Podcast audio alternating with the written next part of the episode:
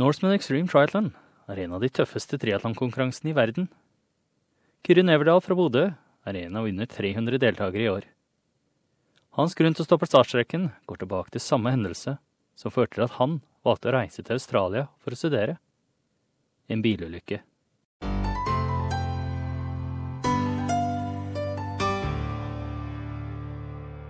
Kyrre Nevdal, velkommen til SBS norsk. Vi skal prate om eh, Norseman Extreme Triathlon, men først la oss begynne i Australia. Du bodde her i en del år, stemmer ikke det? Det stemmer det. Jeg var der i ca. fem år. Ja. Kom i begynnelsen av 2008 og dro i slutten av 2012. Hva var det du gjorde her?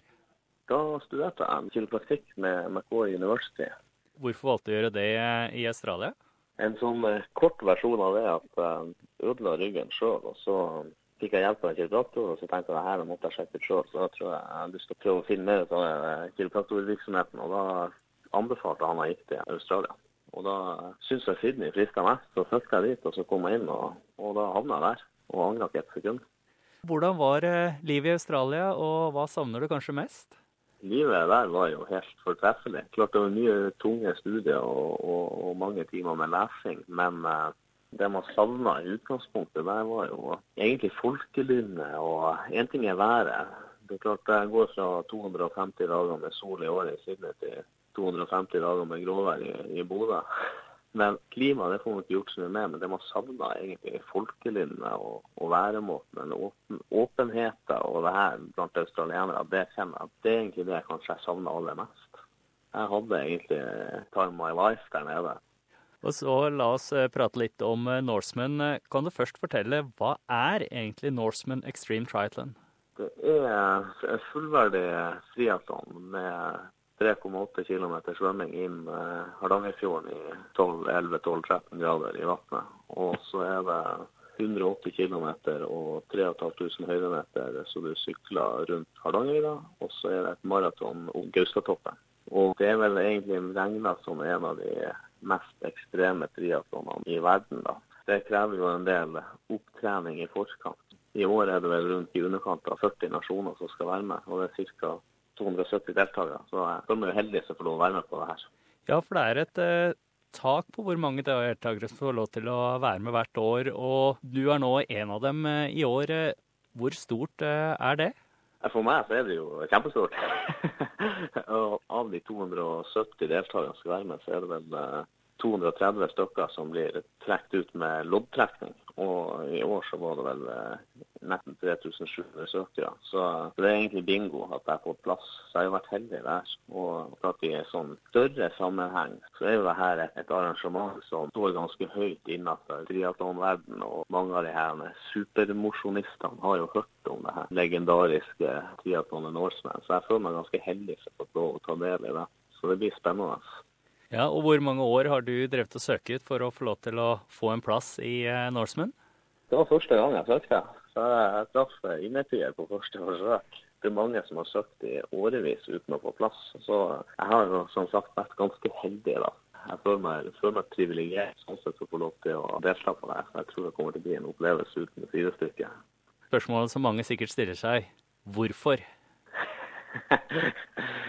ja. Jeg tror ikke man klarer å forstå det helt, og det forventer jeg for så vidt heller ikke. Men det ligger egentlig mye historie bak de her tingene. Men i utgangspunktet så bunner det tolv år tilbake når jeg ødela ryggen. Knakk ryggen i en trafikkulykke. At det snudde litt opp ned på en del ting. Og et par år i etterkant av det så måtte jeg slutte med fotball. Det var liksom det jeg levde og ånda for. Sånn det er mer enn her, den storyen der da, som Jeg hadde aldri trodd jeg kunne være i stand til å gjøre noe sånt. som Men de siste tre årene så har eh, kroppen respondert bra til ting. Og jeg fant ut at det her kunne kanskje være mulig. Sånn at det, det er litt mer en sånn seier i forhold til å kunne vise overfor seg sjøl at kroppen er kapabel til å kunne gjøre noe så ekstremt, selv om jeg har vært utsatt for noe så ekstremt som jeg gjorde i en, trafikkulykke.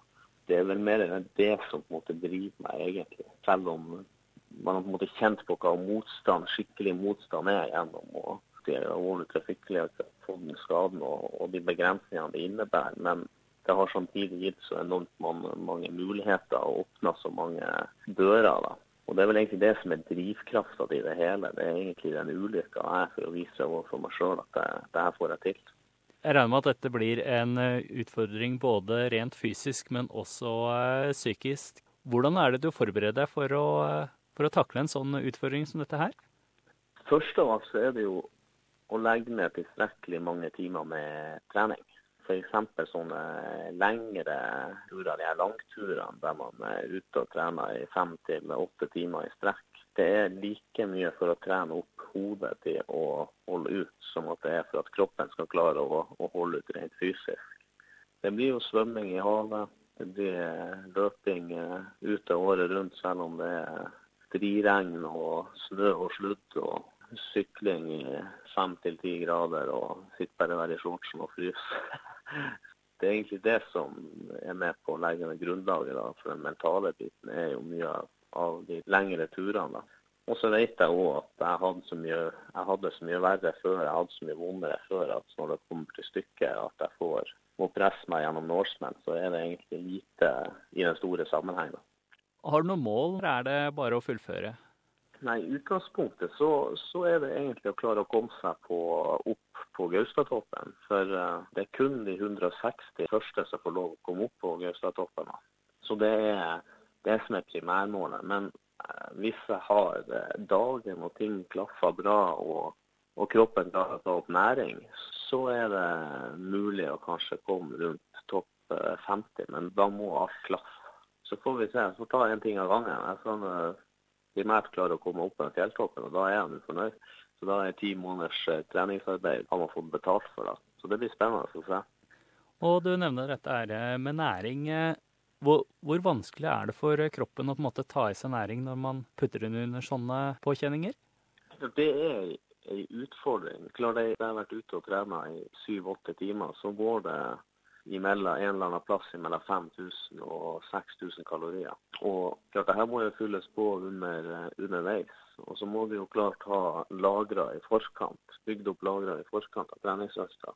Sånn at I triatlon så er jo egentlig det en læredisiplin. Du har løping, du har sykling og svømming, men så har du ernæring. Så det, det er jo utfordrende. for uh, Det er individuelt òg hva som fungerer. Så man må prøve seg litt frem under treninga hva som er bra. Jeg har funnet oppskrifter for min del hva som fungerer for, for kroppen min. Og det har vært eh, Snickers og solbærsaft og eh, hjemmelaga energy bars.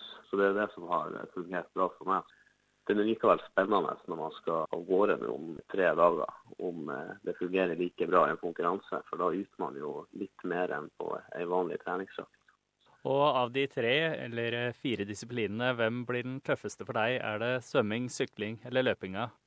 Jeg tror nok at jeg er flinkest på løpinga, men jeg tror det er den som blir hardest. For da har du allerede tilbakelagt en syv-åtte timer med, med, fysisk aktivitet før du begynner å løpe. Så jeg, jeg tror nok det blir den, den løpebiten som blir det desidert hardeste. Så du må jobbe ganske hardt for å, å klare å komme deg gjennom når det er sagt før jeg starta det her, så var det egentlig frykten min det var å, å ligge og svømme i, i Hardangerfjorden i eh, mørke og kulde. For det starta klokka fem på morgenen, og det er mørkt og 11-12-13 grader i vannet. Og det var egentlig det som var min største, om ikke bekymring, så i hvert fall det som var min største utfordring i begynnelsen. Men det har gått seg overraskende bra til med tilstrekkelig med trening. Så det blir nok løpinga som blir den som blir å være mest utfordrende, da, tror. Og for en eh, konkurranse som dette her, har du et eh, stort støtteapparat eh, rundt deg? Ja, det har jeg faktisk. Du må ha eget støtteapparat for å få lov å være med.